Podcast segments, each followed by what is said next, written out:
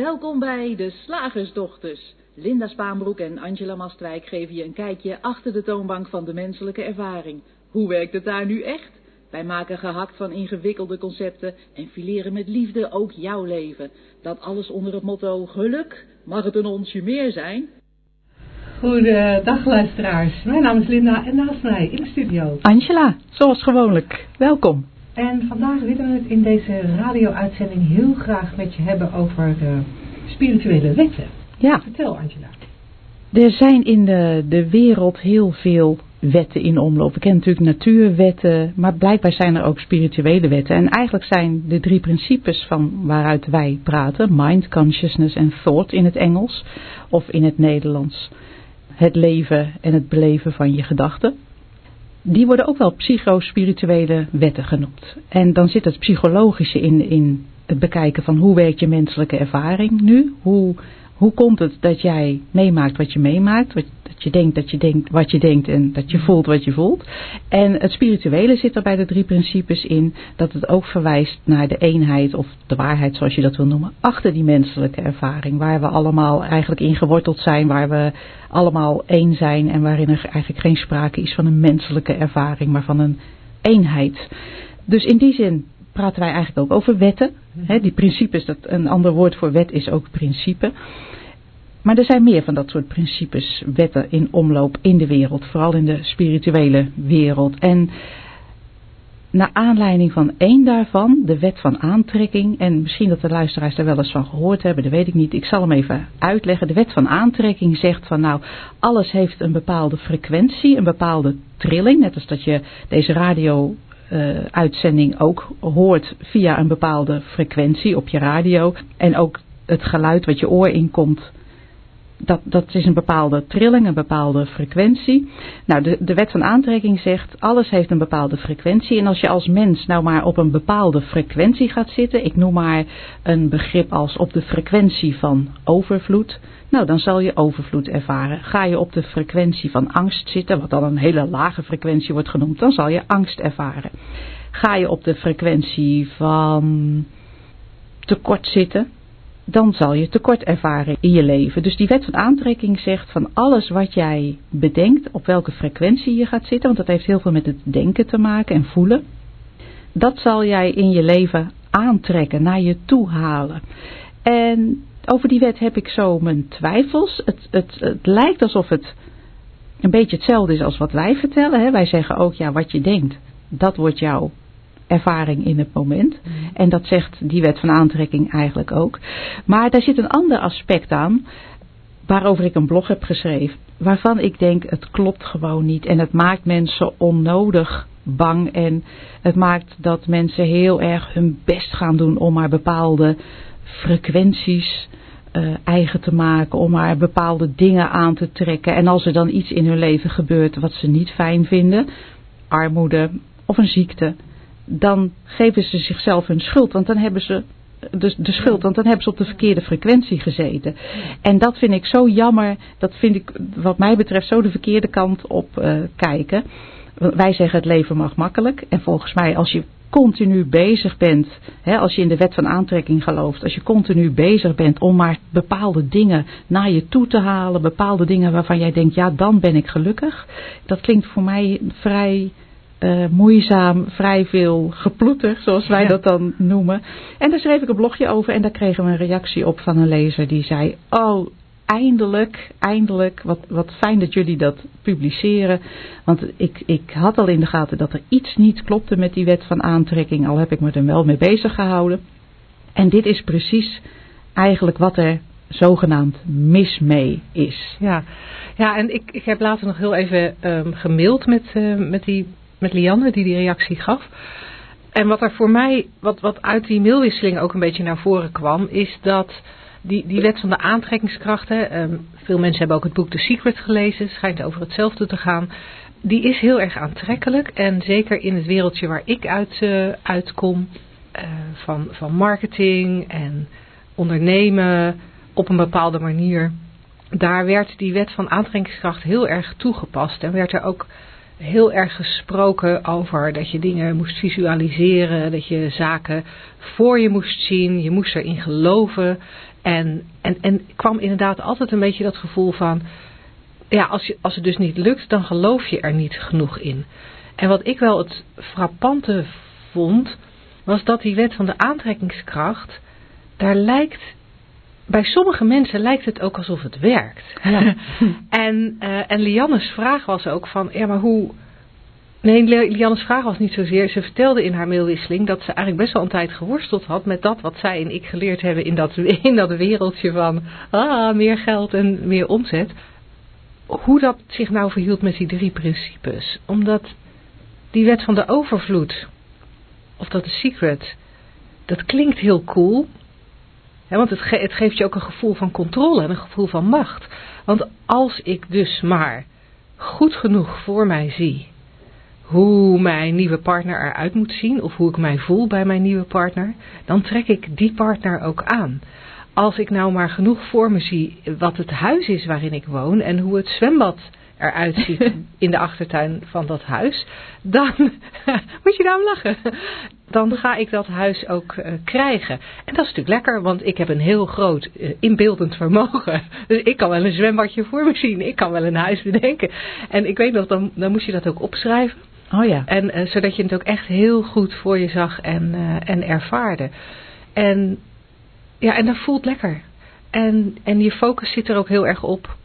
En we weten natuurlijk allemaal, eh, als je net een nieuwe rode auto hebt gekocht, dan zie je overal rode auto's. En ik heb soms eens het idee dat dat hier ook mee is. Als je, als je daar heel erg mee bezig bent, ja, dan komen er natuurlijk wel dingen uit. Uh, het huis met het zwembad is mij uh, nooit gelukt. Nou, dat heb je niet, niet goed gedaan, Linda. maar sommige andere dingen zijn wel gelukt. Dus dan, nogmaals, dan geeft dat een gevoel van controle. En ik heb wel eens het idee dat dat ook is wat aantrekkelijk is aan die wet van de aantrekkingskracht. Het geeft je het gevoel dat het leven maakbaar is. Ja, als je het maar op de goede manier doet. Dat je het allemaal in de hand hebt. En er is op zich niks mis mee, alleen vind ik het veel te hard werken. Ja, jij geeft al aan dat je er continu mee bezig moet zijn en continu jezelf moet monitoren. Zit ik wel op de juiste frequentie? Visualiseer ik wel genoeg? Maar het, het kwalijke hieraan vind ik eigenlijk ook dat mensen zichzelf de schuld geven van ziektes bijvoorbeeld. Ik had deze ziekte niet gehad als ik maar op een hogere frequentie had gezeten. En daarmee, jij zei het al, de maakbaarheid van het leven, gaan we wat mij betreft een richting op van, ja, van zelfverwijt en, en ook van een soort arrogantie dat als je om je heen kijkt en je ziet iemand die in armoede leeft, ja, weet je, die heeft gewoon niet, uh, niet genoeg zijn best gedaan met visualiseren. Ja, nee, die moet maar op een andere frequentie gaan zitten. Er zitten voor mij een aantal aspecten aan waarvan ik denk, nee, dat klopt niet.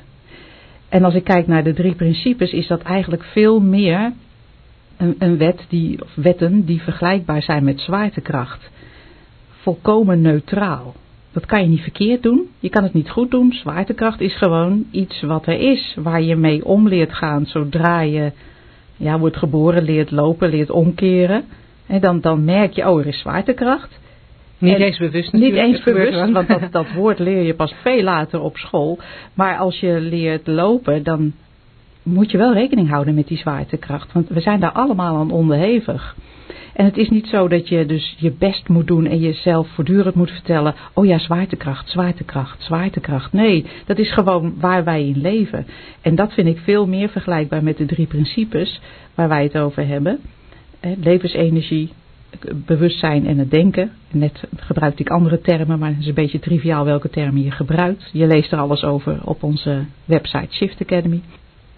Die zijn ook eigenlijk volkomen neutraal. Je kan het niet fout doen je hoeft niet je best te doen om het goed te doen. Net zoals je bij zwaartekracht het niet fout kan doen. Of niet je best hoeft te doen om goed om te gaan met de zwaartekracht. Je houdt er alleen rekening mee. Je houdt er rekening mee dat als ik op de derde verdieping ben. Dat ik niet uit het raam stap. Want zwaartekracht. En dat is met die drie principes eigenlijk ook. Als je een beetje weet hoe dat werkt. En je voelt angst of je voelt depressie. Of, of je, je, voelt tekort. Of je voelt tekort. Dan is er alleen maar die realisatie nodig.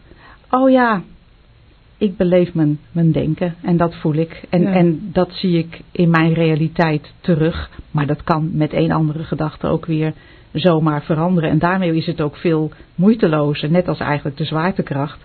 Oh ja, ik wankel even, want sta op een stoepje en ik heb niet goed uitgekeken. Ik wankel even en oh, daar ga ik bijna, dankzij die zwaartekracht. Maar oh, ik kan met één, met dat andere been erbij trekken. Sta ik weer stevig met beide voeten op de grond. En dat vind ik aan die drie principes eigenlijk het is, het is alleen maar een uitleg. Het is niet iets waar je aan moet houden. Iets waar je je best voor moet doen. Het is alleen maar, hé, hey, zo werkt het. Oh ja, tuurlijk. Ja, ja, en wat voor mij zelf ook nog een heel groot verschil is ehm, tussen ehm, de drie principles en, en in ieder geval de wet van de overvloed die jij net noemt. Veel van dat soort, in ieder geval deze. Ik kan niet zo spreken over heel veel andere spirituele wetten, want jij bent van ons twee degene die zich daar heel erg in heeft verdiept. ik ben meer van de therapie, uh, daar weet ik dan weer alles van. Maar die die wet van de overvloed in elk geval, dat is er eentje die ervan uitgaat dat dat wat er zich buiten jou bevindt, ehm, je leven beter maakt of minder goed maakt. Uh, dus die gaat ervan uit dat het huis met het zwembad, om maar wat te noemen, als dat is waar ik naar verlang, dan zal dat mijn, als ik bedacht heb dat dat mij gelukkig maakt, dan zegt die wet van de overvloed, ja nou dan moet je daar ook voor gaan, want dan, dan wordt je leven beter. En zoals ik het zoals ik toen in die kringen waar ik heb verkeerd heb meegemaakt, uh, was dat ook heel erg. Meer was eigenlijk altijd beter. En uh, het was ook wel heel goed om je rijkdom te delen. Hè? Dus er werd ook wel gesproken over het weggeven van, uh, van je geld aan goede doelen of aan andere mensen. Dus het was niet vanuit een egoïsme, maar het was wel van geld, een huis, een partner, al die dingen buiten jezelf, die waren van invloed op je levensgeluk. En wat ik het fijne vind van de drie principes is om te ontdekken dat dat een misverstand is. Dat dat een misverstand is waar we met z'n allen wel aan lijden. Het is ook weer een heel aantrekkelijk en een heel aanlokkelijk misverstand. Ehm, we geloven het eh, in grote mate met z'n allen. En de drie principes zeggen nee, nee, nee.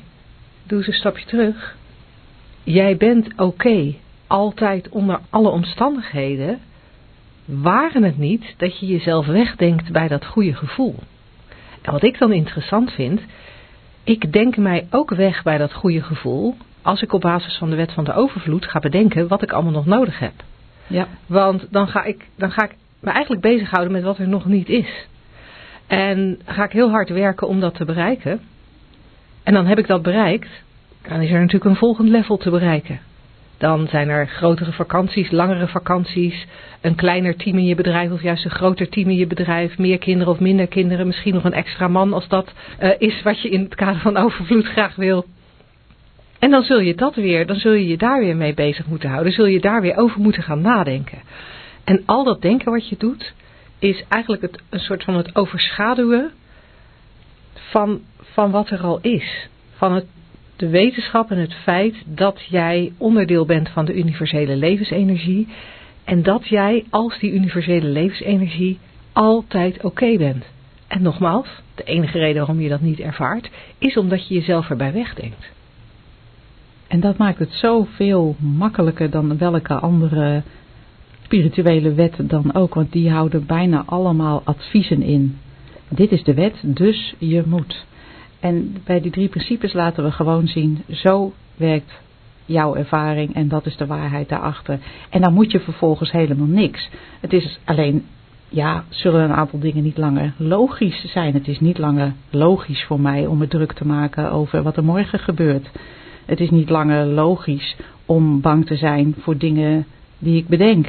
Het is niet langer logisch om, ja, nou ja, om heel hard te streven voor die grotere auto.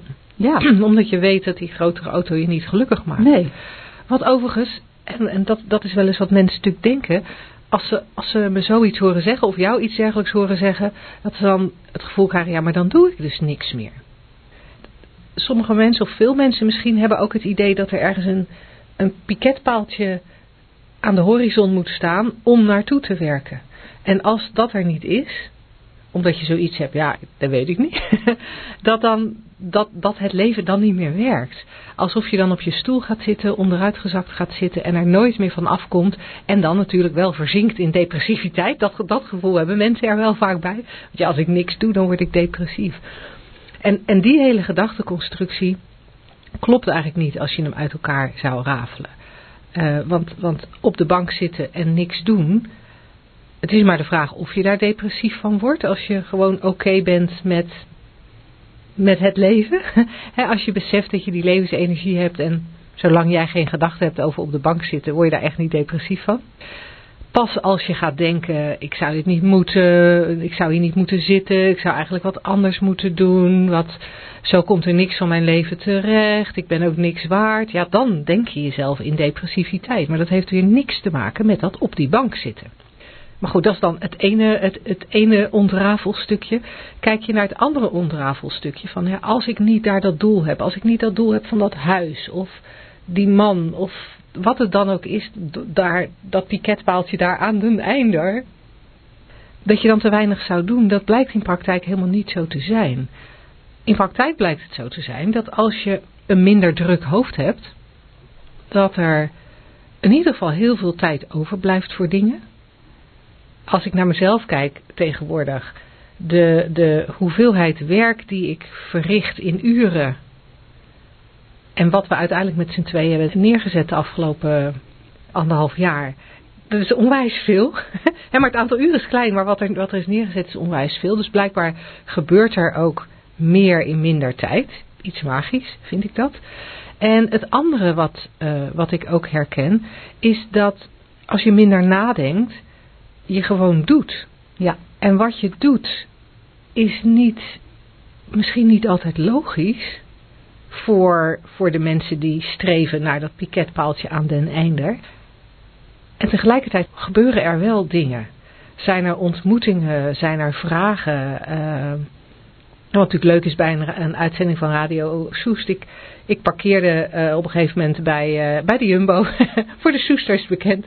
En toen stond ik voor boekhandel van der Ven. En toen dacht ik, hé, hey, zouden zij ons boek in de winkel willen leggen? Zodat mensen in Soest het boek gewoon in de boekhandel kunnen kopen. Het mag ook makkelijk ons boek. Dus ik ben naar binnen gelopen en heb het gevraagd. En die man zei, ja juist, juist van, van lokale schrijvers. Uh, en ik liep weer weg. En toen, ik, ik had dus maar heel even iets gedaan. Hè. Ik had heel even een gedachte, heel even naar binnen gelopen. Uh, tweeënhalve minuut en, ons, uh, en, ons, en er lag een stapeltje boeken bij Boekhandel van der Ven. Super cool. Maar niet omdat ik daar, omdat ik een doel had. Dat je drie uur op de bank had gezeten, boek in de boekhandel, boek in de boekhandel, ik wil mijn boek in de boekhandel. Wat is de frequentie van boek in de boekhandel? Nee, en hetzelfde is natuurlijk met het feit dat we een aanvraag hebben gekregen van bibliotheken voor ons boek. Uh, dat ons boek nu ook in 16 bibliotheken verkrijgbaar is. Dat was niet iets waar wij naar gestreefd hebben, maar het gebeurt wel, omdat we bewegen. Ja, gewoon natuurlijk bewegen. En en dat is zo bevrijdend ten opzichte van de hele tijd maar bezig zijn met op de juiste frequentie zitten en jezelf de juiste dingen vertellen en de juiste dingen inbeelden. En bestraffen als het niet lukt of als het, uh, als het misgaat. Ja. Ja. Ja, dit is een stuk uh, meer ontspannen. Zeg. Slagersdochters, wat zit er in de leverworst? Oftewel, tijd voor wat wetenschap. De wetenschap van deze uitzending is een, uh, een grappige, die een beetje verwijst naar het feit dat ons menselijk bestaan misschien niet zo vast en echt is als wij wel denken of gedacht hebben, Linda. en de hypothese, want het is een hypothese, hè, het is gewoon een idee van een wetenschapper, of in dit geval van meerdere wetenschappers. Die hypothese heet de simulatiehypothese. Okay. En daarin zijn heel veel verschillende dingen samengebracht. Kwantumfysica, waar wij het regelmatig over hebben. Hè, dat is de natuurkunde van, van deeltjes die zo klein zijn dat, je, dat ze geen deeltjes meer zijn, maar, maar pure energie. Artificial intelligence, dat is natuurlijk ook een onderwerp wat nu speelt in, in de, vooral in de snelle jonge wereld van uh, robots en ja, computers die slimmer zijn dan de mens. Maar wat in deze hypothese ook meegenomen is, is Oosterse mystiek. Oké. Okay. Kijk, ik vind het een leuke combinatie. Dus de simulatiehypothese. En die zegt, ja, als we dit allemaal combineren, dus wat we weten uit kwantumfysica K, wat we weten uit artificial intelligence en wat we weten uit Oosterse mystieke filosofieën, is, dan kunnen wij niet anders dan concluderen dat wij met z'n allen in een soort videospel zitten. Nou, dat is natuurlijk weer een heel interessante heel interessant gegeven of hypothese. En, um, en wie bestuurt dan? Dat, wie, wie ja, bestuurt nou, hem dan? daar zijn ze niet helemaal uit volgens mij. Maar uh, een, een computerwetenschapper die getraind is, die opgeleid is bij het MIT, hè, dat is een hele prestigieuze mm -hmm. um, Universiteit. Universiteit, ja. ik kan even niet op het woord komen. Michigan Institute of Technology. Is oh, jij weet gewoon ja. ook wat de afkorting is. Die hebben dus uh, recent deze hypothese ja, bedacht en, en ook bekeken. En die heeft een heel veel aandacht gekregen, deze hypothese blijkbaar. Maar vooral omdat uh, nogal prominente figuren in, uh, in het bedrijfsleven, zoals Elon Musk, de baas van Tesla is dat mm -hmm. geloof ik, hè, die onderschrijft deze hypothese. Of hij heeft er in ieder geval in, uh, in de openbaarheid over gediscussieerd. Want de virtual reality, hè, we kennen allemaal wel die bril opzetten en dat je dan in een andere, in een andere realiteit zit. Dat die, die technologie die wordt steeds meer geavanceerd en dat wordt steeds echter. En dat zet mensen dus aan het denken van, maar als je door het opzetten van zo'n bril en door het, uh, door het eigenlijk het manipuleren van je brein, dat je echt in een heel andere werkelijkheid kan zitten, zou het dan niet zo zijn dan de, de werkelijkheid waar wij in lijken te zitten ook niet op die manier uh, in elkaar kan zitten. En uh, ze grijpen in dit artikel wat ik hierover heb gelezen ook terug op verschillende films. Die ook hiernaar verwijzen. Star Trek heb ik zelf niet gezien. Ik ben geen trekkie, zoals ze dat noemen. Ik weet niet of jij hem gezien hebt, Star Trek. Nou, ik heb brokken gezien. Over ja. de jaren heb ik wel eens films daarvan gezien. Maar... Uh, daar schijnt dus een, het begrip holodeck in ja. geventileerd te worden. Waarin mensen dus ook in een virtuele realiteit leven. Maar dat, daarbuiten is ook nog iets. En de Matrix, die is mij wel bekend. He, dat is, uh, ja, daarin is ook een hele virtuele realiteit geschapen. En dan kan je een pil nemen en dan kom je in, de, in, in die wereld en neem je een andere pil. Ik kan het mij vaag herinneren. Ik zie ook dat die al in 1999 uh, gelanceerd is, die film. Zo lang geleden, al bijna 20 jaar. Hmm, hij leek mij veel recenter, we worden oud. Ja. En, um, maar ook, ook die film gaat eigenlijk over hetzelfde, die, die verwijst over hetzelfde. En uh, op de MIT, op de MIT bestuderen ze natuurlijk ook kwantumfysica. En uh, ja, dat zegt ook van er is een heel groot verschil tussen een objectieve realiteit, die dus eigenlijk niet bestaat, en de subjectieve realiteit die gevormd wordt door het feit dat er een waarnemer is. Oftewel, zoals wij zouden zeggen, het feit dat er gedacht wordt. Ja. Nou, dat in combinatie met die Oosterse filosofieën hebben geleid tot deze hypothese. En ze hebben een aantal bewijzen opgeschreven voor deze hypothese, want anders zou het geen leuke hypothese zijn als iemand het maar uit zijn duim zuigt en er geen, uh, geen zogenaamde hmm. bewijzen voor heeft. En uh, nummer één is het feit dat virtuele en augmented reality, het is eigenlijk een verhoogde realiteit, uh, steeds steeds hogere resolutie krijgen, steeds meer ja, op waarheid beginnen te lijken, steeds echter uitgevoerd kunnen worden. En de wetenschapper die zich hier met deze hypothese deze bezighoudt, die heeft ook een keer, uh, die merkte dat toen hij een spelletje tafeltennis deed, virtueel, met zo'n mm -hmm. bril op, hè. Dan heb je niks in je handen en er is ook geen balletje. Maar je kan dus wel spelen en het voelt alsof je echt speelt. En uh, je, bent, je hele lijf doet mee. En op een gegeven moment wilde die even uitrusten en wilde die op de tafeltennistafel leunen. Maar die was er niet natuurlijk. dus dan ga je daar dwars doorheen. En toen realiseerde hij zich wel, wow, je zet zo'n bril op en je realiteit is zo echt dat je op een niet bestaande tafel leunt. En hij moest daarbij terugdenken aan die quote uit de Matrix van there is no spoon. er is geen lepel, wordt daarin gezegd. En zo, zo zijn er uh, um, heel veel redenen waar, waardoor ze denken van deze hypothese kan wel eens waar zijn. Ook vanuit Oosterse filosofie, zoals we al zeiden, we kennen allemaal de allegorie tenminste. Ik weet niet of we die allemaal kennen, maar het is wel een hele bekende, de allegorie van Plato en de grot. Waar... Vertel maar even. Plato beschrijft daarin dat we als mens eigenlijk een soort vastgeketend zitten in een grot. Met een grote projector achter ons die licht over ons heen schijnt. Waardoor er op de muur van de grot allerlei schaduwen ontstaan. Hij zegt en dat is de wereld waarin wij leven. En we zitten maar de hele tijd naar die schaduwen te kijken. De hele tijd naar die nou ja, naar de voorwerpen in de wereld. Naar dat huis waar jij het net over had. Ja. Naar dat zwembad, dat is een schaduw. Naar die partner, dat is een schaduw. Naar je werk. De angststoornis. Ja, allemaal, schaduw, precies allemaal schaduwen op de muur. En Plato zei van, we denken dat we vastgeketend zitten. En we zijn ook gebiologeerd door al die schaduwen op de muur. Oh, want die, vo- die voelen we, dat maken we helemaal mee. Dat is dus net als die virtuele realiteit. Al die schaduwen. Oh, angst. Oh, leuk, een partner. Oh, mijn werk. eh. Dat is waar we voortdurend eh, door gegrepen worden. En Plato zegt, als je om zou kijken...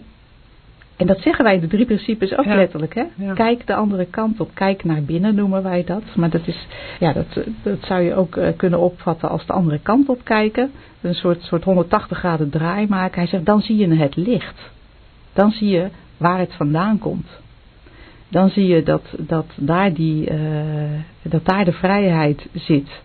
Als je je los durft te maken van al die schaduwen op de muur van de grot.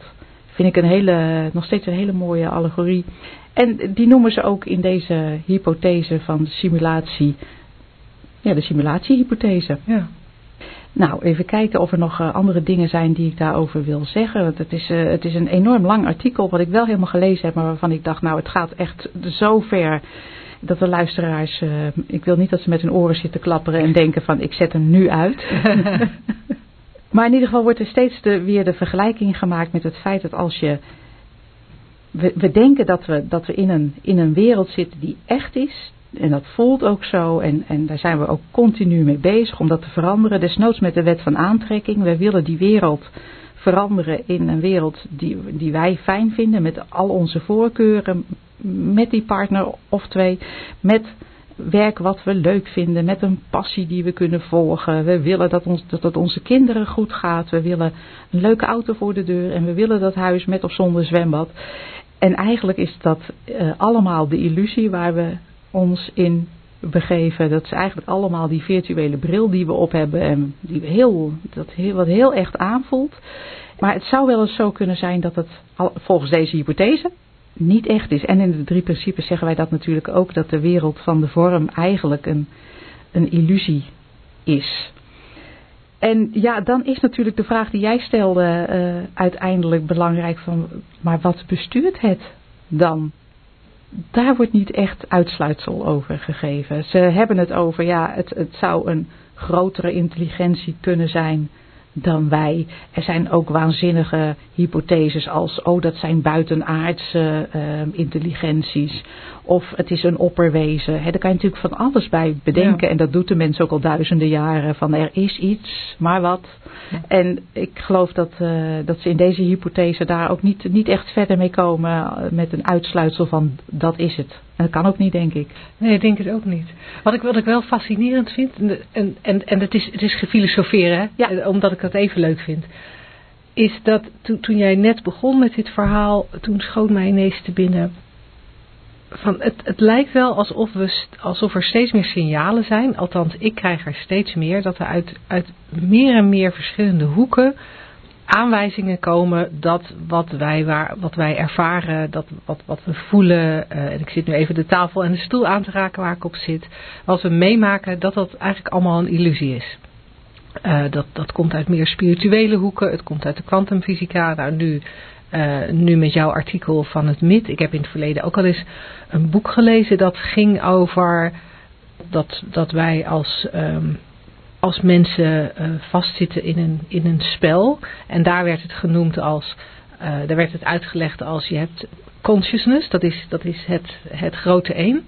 En consciousness zorgt ervoor dat, of, of die zat zich te vervelen, dat was een beetje de moraal van het verhaal. En die heeft een spel bedacht. Ja. En dat zijn wij. En een spel is natuurlijk alleen maar leuk als er een beetje ellende plaatsvindt. Dus ja, vandaar dat zo er, saai. Ja, anders is het zo saai. Dus vandaar al die dingen die wij, uh, die wij meemaken. Dus, dus daar is ook al zo'n aanwijzing. En omdat ik er steeds meer hoor en steeds meer zie, vroeg ik me af, wat nou als wij als mensen dat doorkrijgen? Ja. En, en het echt gaan zien, zou, zou het spel dan stoppen? Ja, dat Want dan is, het niet af. meer, dan is het niet meer leuk voor degene die het bestuurt. Of Nee, nou, ze, ah, ze hebben het nu door dat, dat het maar een spel is. Ja. ja. Nou ja, En dat boek wat ik had gelezen, dat ging zelfs zover dat ze zeiden dat consciousness ook clues achterlaat. Hè. Ik, Er Oh. staat hier nu een zwart bekertje op de tafel. Maar het zou zomaar kunnen, als wij alert genoeg zijn, dat consciousness dat leuk vindt om, om, om het dan ineens blauw te maken. Of jou, de dop van jouw fles ineens rood Ja. te maken. Ja, En, en in dat boek werd gezegd van, en dat hebben wij dan niet door, omdat we het niet willen. Dus dan verzinnen we er iets bij. Dan verzinnen we, oh nee, hij was natuurlijk niet groen, ze had vandaag die met die rode dop bij zich. ja. Eh, terwijl, terwijl het clues zijn van consciousness. Ja, ik had laatst zo'n zo'n zo'n soort ervaring. Dat was echt heel grappig. Afgelopen zondag werd ik gebeld door een nummer wat ik niet kende. En dat was iemand die via via met mij in contact wilde. Gewoon om even, even te kletsen. Omdat zij ook gezien had waar wij over praten. En, en daar ook een boek over geschreven heeft. En zij was door iemand die wij allebei kennen. Had zij het telefoonnummer gekregen. We hadden al gemaild. Maar ik had haar telefoonnummer niet. Maar ze belde mij.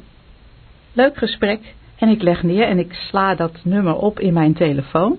En tot mijn grote verbazing zie ik dat ik dat nummer, wat ik dus niet had, een uur voordat zij belde, één seconde had gebeld, zei mijn telefoon. Nou, dat is echt niet, dat is niet mogelijk.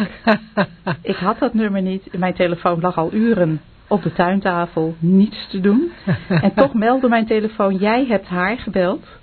Een uur geleden, één seconde lang. Kan niet. Ik vond het zo'n intrigerend dingetje. Ik heb er verder niet meer over nagedacht, maar ik vond het wel hilarisch eigenlijk. Ja, En ja. dit artikel eindigt ook met iets waar jij het wel eens over hebt. Van dat, je- dat we s'nachts, dat onze dromen zo echt zijn. Dat je daar helemaal in meegaat. En, en dan word je wakker en denk je, oh, het was maar een droom. En dit eh, artikel van het MIT wat ik gelezen heb, dat eindigt met eh, een quote van een, eh, een Britse wetenschapper. Over dromen. En hij zegt, de dromen zijn echt zolang ze duren. Maar kunnen we iets anders zeggen over het leven? ja. dat is een mooie voor op een tegeltje. Ja. Zeg, slagersdochters, hoe bak ik die vegaburger? Over naar de luisteraarsvraag. Nou, vandaag eh, hebben we een vraag van Els. Ehm, Els is een van de leden van onze Slagersdochters Community. En Els ehm, schrijft ons. Ik las dit weekend in Trouw een artikel over de ouders van de vermoorde Nicky Verstappen. Ik kom in dat verhaal zoveel dingen tegen die mij doen denken... Kennen ze maar een ietsiepietsie van de drie principes? Dat zou hen wellicht helpen. En jullie zeggen, wanneer het met iemand helemaal niet best is, dan zit er onder alle gedachten die daarover ontstaan de laag van het gaat goed met je. Hoe zouden deze ouders in godsnaam bij die onderste laag kunnen komen? Komen jullie wel eens tegen dat, ik zeg het wat cru misschien, iets of iemand niet te redden is? Dat het geen haalbare kaart is? Ook wel niet anders wil gaan denken, vasthouden aan slachtoffer zijn, is wel een herkenbaar gegeven, toch? Ja. Ja, het is, het is interessant dat we heel graag willen dat de mensen die in zo'n situatie van groot verdriet eh, verkeren, dat we die heel graag willen helpen met de wetenschap die wij hebben, dat, dat verdriet bestaat uit verdrietige gedachten en dat ze jou in de kern niet kunnen beschadigen. Dat er daaronder inderdaad eh, je welzijn zit, je oké zijn zoals jij dat noemt. En dan lijkt het heel verleidelijk om iemand die heel veel verdriet heeft of in heel grote angst zit, om, om die te vertellen, hé, hey, weet je hoe het zit trouwens? Verdriet, hè, dat, dat is Ja. uiteindelijk ook maar een gedachte. Het is Ja. heel erg hoor. Maar je moet er gewoon niet aan denken. Nee, het, het zijn maar gedachten. Of iemand die midden in een, in een angststoornis zit, om die, eh, die al trillend en zwetend op de bank zit om te vertellen, hé, hey, angst, hè, dat is trouwens ook maar een gedachte. Dat heeft nog nooit iemand geholpen, het heeft nog nooit gewerkt. Nee. Is wel een grote kans dat je een klap in je gezicht krijgt. Het, het- ja, dat is een eh, heel grote kans dat, je, dat de vriendschap eh, direct eh, voorbij is. Wat we natuurlijk wel kunnen doen, is het voor onszelf zien. En naar die anderen kijken met, met de wetenschap. Dat hoeveel verdriet er zich ook afspeelt of hoeveel angst er ook gevoeld wordt. Dat degene die tegenover ons zit nog net zo heel en oké is als voor de gebeurtenis of voor, de, voor het opkomen van die angstige aanval. Zoals het Mhm. er wel eens uit kan zien. En dan zit je al anders bij iemand. Dan zit je al anders. Eh, we zijn heel erg gewend om als we niet weten dat dit hele leven, ik wou bijna zeggen een spel is, maar ehm, dat weten we niet. Dat dit hele leven van de vorm op een bepaalde manier vorm krijgt, namelijk door het feit dat wij kunnen denken dat ons bewustzijn daar een heel, heel feestje bij maakt. Echt, echt laat voelen en laat zien wat jij, wat jij denkt in alle opzichten en ook in je lijf. Als we dat niet weten, hebben we heel erg de neiging om in te gaan op de omstandigheid. Weet je, oh je zoon is vermoord, om daar iets over te zeggen. Maar kind, het verdriet slijt ooit. Of wat op zich waar is, maar dat heeft ook nog nooit iemand geholpen. Nee. Of we gaan zeggen van het heeft zo moeten zijn. Of uh, nou ja, allerlei andere tips geven. Of uh, neem een pil bijvoorbeeld. Mm -hmm. dat, dat zou ook kunnen. En, en dan zitten we in de wereld van goede ideeën en goed bedoelde adviezen. Waar we niet zo heel ver mee komen. Wat hooguit een doekje voor het bloeden is. Maar we kunnen natuurlijk wel gewoon de heelheid in die ander zien. En daarbij aanwezig zijn. En ik vind het... Uh, grappig dat Els vraagt, komen we mensen tegen die niet te redden zijn? Uh, ja. dat, dat schetst ook een beeld alsof wij iedereen willen redden. Ja. Mag ik, voordat je daarop ingaat, ik vind het heel leuk om daar even op in te gaan, maar ik wil graag nog even aanhaken bij wat je net zei. Ik kan me voorstellen, van, nu komt de vraag van Els, maar wij krijgen, krijgen dit type vragen natuurlijk wel vaker. We willen heel graag andere mensen helpen en we willen heel graag dat andere mensen uh, zich niet ongelukkig uh, voelen. En ondanks het feit dat jij en ik misschien, dat het misschien lijkt alsof wij altijd uh, lachen en altijd blij zijn en altijd ontspannen en rustig zijn, zijn wij net zo goed onderdeel van dat systeem. Dus ook, als ik even voor mezelf praat, natuurlijk zijn er nog steeds dingen waar de film zo echt voor me is, dat ik erin meega en er extreem blij van wordt, maar soms ook boos of geïrriteerd of verdrietig of bang. Al die gevoelens zijn er nog steeds. Wat voor mij een groot verschil is, dat op het moment dat je inzicht hebt in die drie principes, lijkt het wel alsof je veerkrachtiger wordt. Ja, je gaat af en toe erin mee. Ja, je ervaart verdriet als er dingen gebeuren. Uh, of je ervaart pijn. Maar je, je veert makkelijker terug nou, als we het straks uh, uit ons concept gaan vermalen, wil ik daar nog wel even een voorbeeld bij geven waar dat voor mijzelf heel helder zichtbaar was uh, afgelopen weekend. Dat, dat terugveren. Het wel ervaren van de pijn, maar het terugveren. En ik denk dat dat iets is wat, wat de grote, ja, de grote de hoop is die, die spreekt uit, uit die drie principes. Die veerkracht. Ja. Het, het hoeft niet zo lang te duren. Hè? Want als mijn kind zou verongelukken of vermoord zou worden, zou ik net als de ouders die uh, Els hier beschrijft, waanzinnig verdrietig zijn. En ik zou boos zijn. En ik zou huilend, ze gaf ook een stukje tekst erbij wat ik dan niet heb voorgelezen over dat die ouders dan uh, huilend uh, de kamer van dat kind hebben uh, leeggehaald. Dat zou ik ook doen. Sterker nog, dat deed ik al toen mijn kind het huis uitging. Huilend, huilend de kamer opruimen. En dat hoeft niet erg te zijn. Dat mag er, dat mag er zijn. Dat hoort, dat hoort bij het leven. Dat hoort bij het feit dat het leven een contactsport is en we elkaar dus raken. Of geraakt worden door het leven.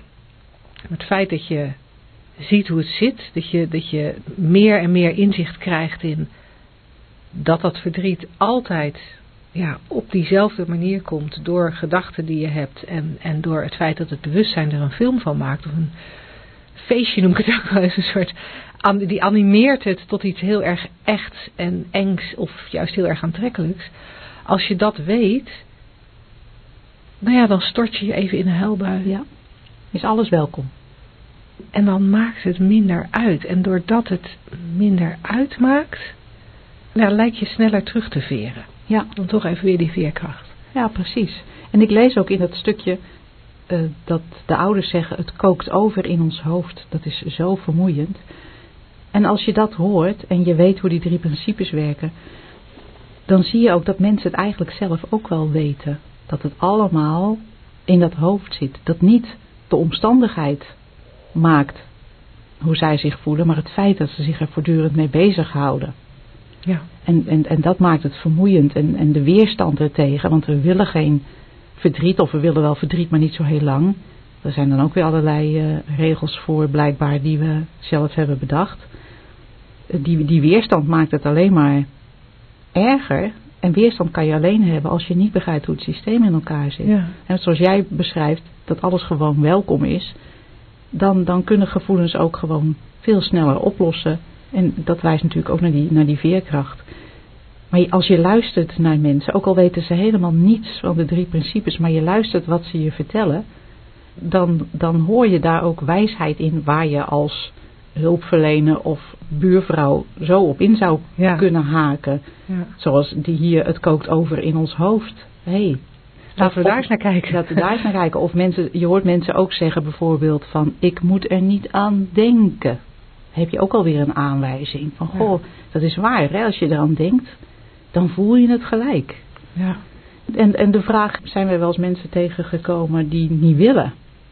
Omdat hun slachtofferschap hun dierbaar is. Ja, dat weet ik eigenlijk niet. Ik denk dat ik dat niet wil constateren ook. Want wat mij betreft is er altijd hoop, al is het op je laatste dag, om te zien hoe het in elkaar zit. Ja, ja en- en wat ik wel herken, dat er mensen, dat, en, en die komen wij natuurlijk ook wel eens tegen in, eh, in onze trainingen, dat iemand zoveel heeft geleerd al. En, en zoveel concepten heeft die als waarheid gezien worden eh, door die persoon. En dat, dat iemand heel graag aan die gedachten wil vasthouden. Ja. En daarom vragen wij mensen ook altijd als ze bij onze training komen, als we starten met de training, hebben we een hele grote kist in onze ruimte staan. En dan vragen we ze altijd om alles wat ze weten, even voor de dag in die kist te parkeren. Eh, wij bewaren het daarvoor, dus ze mogen het altijd weer mee terug naar huis nemen. Maar om naar ons te luisteren met, met, met frisse oren, met een nieuwe blik, alsof ze blanco zijn. En, en dat wat ze bij ons horen niet te vergelijken met andere dingen die ze al geleerd hebben.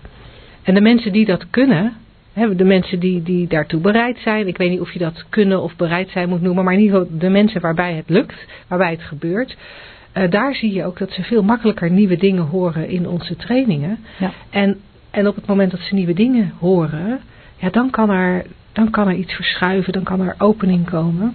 En ja, er zijn helaas ook wel eens mensen die, die het niet lukt of die het niet Ja. willen en, en die vasthouden aan, eh, aan alles wat ze daarvoor al bedacht hebben. En dan is het lastig Ja. om, om iets nieuws te horen. En dan is het lastig om, om een nieuw inzicht te krijgen voor die persoon in kwestie. Maar zijn ze daarmee hopeloos verloren? Nou, volgens mij niet. Want het kan, het kan zomaar zijn dat iemand tien jaar later ineens denkt... Maar dat is wat ze toen zeiden. Ja. dat is wat ze toen bedoelden. En dan, en dan alsnog eh, deze kant op gaan kijken. En het kan ook zijn dat iemand... Ja, eigenlijk zijn, zijn hele leven zijn ogen blijft sluiten voor deze inzichten. Of er niet in geïnteresseerd is of wat dan ook. En uiteindelijk mag je dan ook constateren dat dat ook oké is. Ja. Want ja, wij hebben dan misschien een mening over het feit dat iemand met meer ontspanning had kunnen leven of dat iemand met minder pijn had kunnen leven. Maar tegelijkertijd zijn dat dan onze gedachten over hoe iemand anders zijn leven Ja. eruit zou moeten zien. En, en hoe dan ook is diegene onder wat wij constateren, wat wij denken te zien, altijd oké. Ja. En ik denk ook dat het, eh, het, het vasthouden aan slachtofferschap, zoals Els dat noemt, ook eh, volkomen onschuldig gebeurt. Hè, we even teruggaan naar die allegorie van de grot van Plato. Die schaduwen zijn zo aantrekkelijk, ze lijken zo echt. Het lijkt zo met de virtuele reality bril op alsof er een tafeltennistafel staat. Dat het ook, nou ja, best een, ehm, een heel fris idee is om de andere kant op te kijken. Om te realiseren dat je een, zo'n bril op hebt. Om, Ja. om te zien dat je in zo'n grot vastzit. En maar naar die schaduwen zit te kijken. En dat lijkt, het lijkt zo echt dat het, wat mij betreft, altijd in alle onschuld gebeurt. Het vasthouden aan slachtofferschap. Dan, dan hoor je mensen zeggen van, ja, ik ben nu eenmaal zo. Ja, Een van de dingen waarvan wij vragen om ze in de kist te gooien Ja. bij ons, wat jij zei. Ja. ja. ja, nou, tot zover denk ik de vraag van eh, Els. Dankjewel voor je vraag, Els. Als jij als luisteraar ook een vraag voor ons hebt, we ontvangen ze heel graag via radio.slagersdochters.nl. En Els, mocht jij op jouw vraag nog eh, door willen praten, dan kan dat natuurlijk eh, binnen onze Slagersdochters community of binnen de Makkelijk Leven community bijeenkomsten. Woensdag, gehaktdag. Zeg slagersdochters, welk concept gaat er vandaag door de molen? Nou, wij dachten om vandaag het concept door de molen te doen. Je bent gek als je in Londen fietst. En uh, die, die komt voorbij, omdat we nog niet een ander concept hebben. En deze kwam in mij op omdat ik hem uh, uh, regelmatig hoor van mijn Engelse vriendin. Die in de buurt van Londen woont en ook jaren in Londen heeft gewoond. En die vindt het echt totaal van de pot gerukt. Dat, dat ik in, in Londen op een fiets stap en dat mijn zoon die in Londen woont dat als zijn primaire vervoermiddel heeft. want in haar ogen is fietsen in Londen levensgevaarlijk. En dat moet je gewoon niet doen. En nou is dit wat mij betreft eigenlijk maar een voorbeeld van een concept. Want ja, je kan zeggen in Londen fietsen is levensgevaarlijk. En dan kan je eigenlijk van heel veel dingen. Uh, gluten eten is uh, niet Internetbankieren. Internetbankieren is heel gevaarlijk.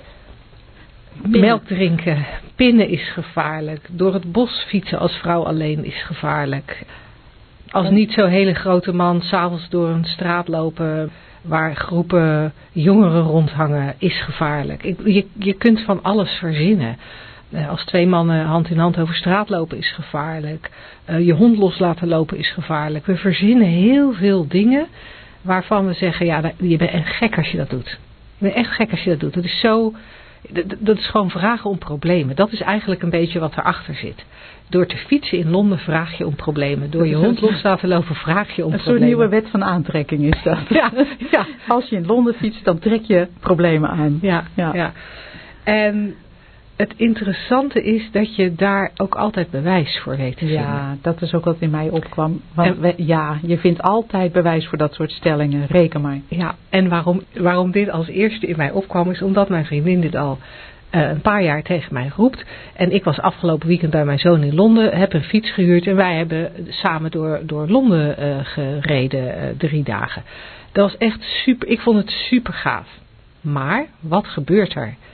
Op de heenreis, toen ik net aangekomen was, wij net mijn fiets hadden opgehaald, wij op weg waren naar zijn huis, ik met mijn koffertje achter op de bagagedrager als een echte Nederlander.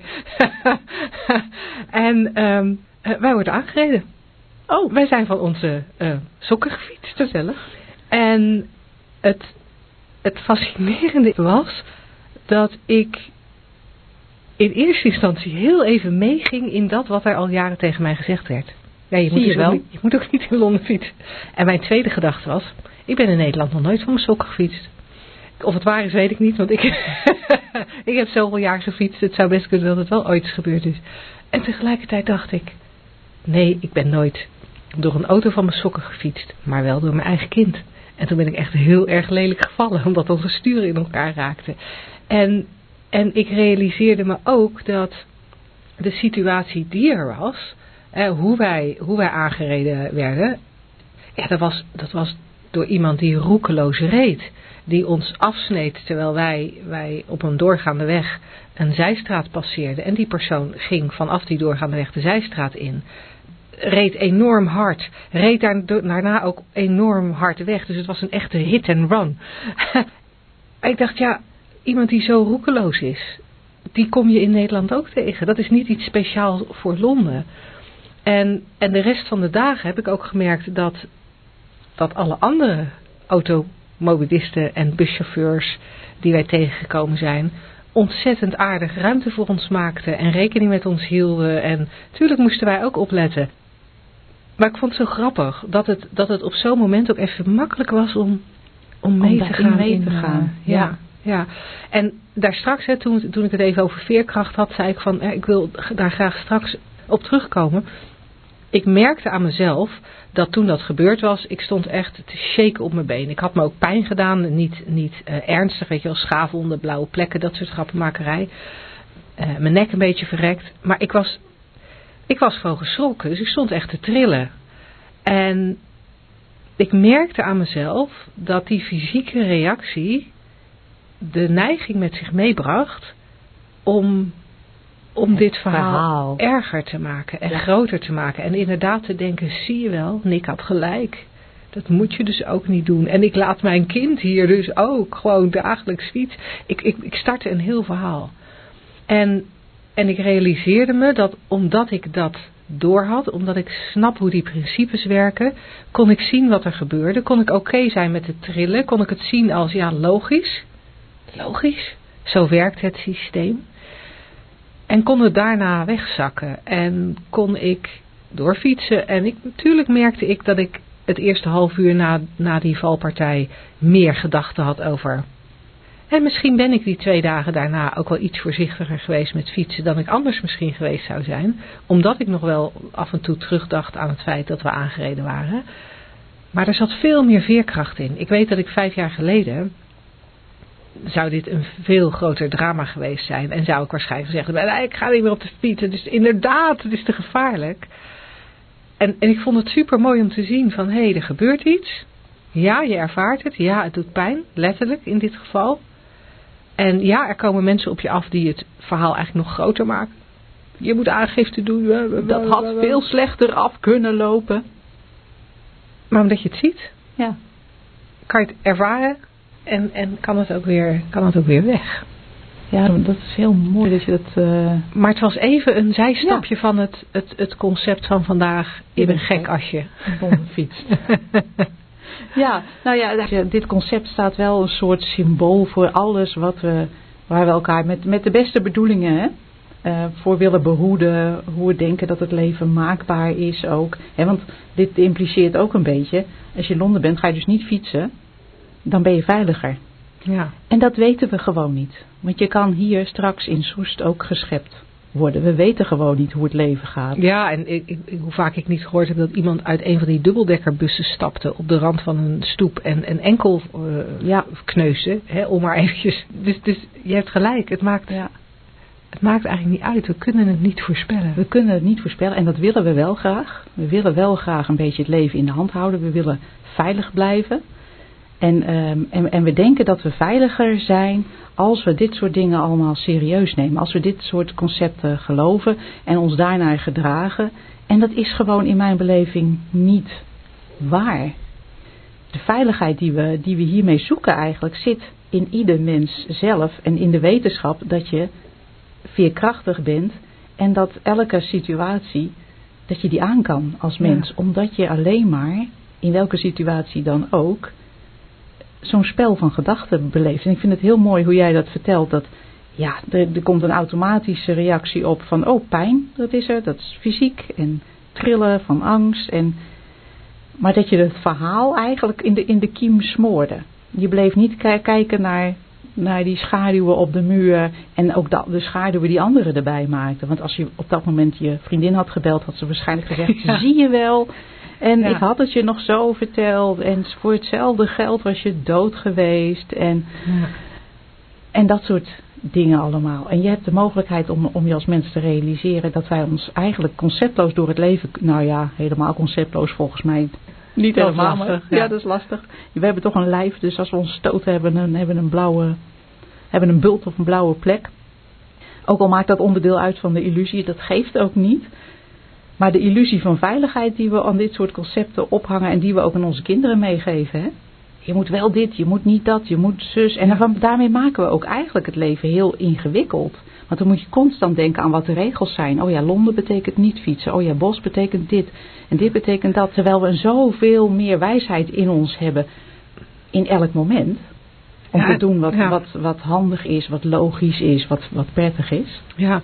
ja, en het interessante is, is dat, dat dat die regels eigenlijk zo ontzettend beperkend zijn. Ja. En ze lijken in veel gevallen um, voor veiligheid te moeten zorgen.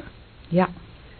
En, en waarschijnlijk zijn ze, zoals het er in ieder geval nu voor mij uitziet, ziet het er, zijn ze heel beperkend.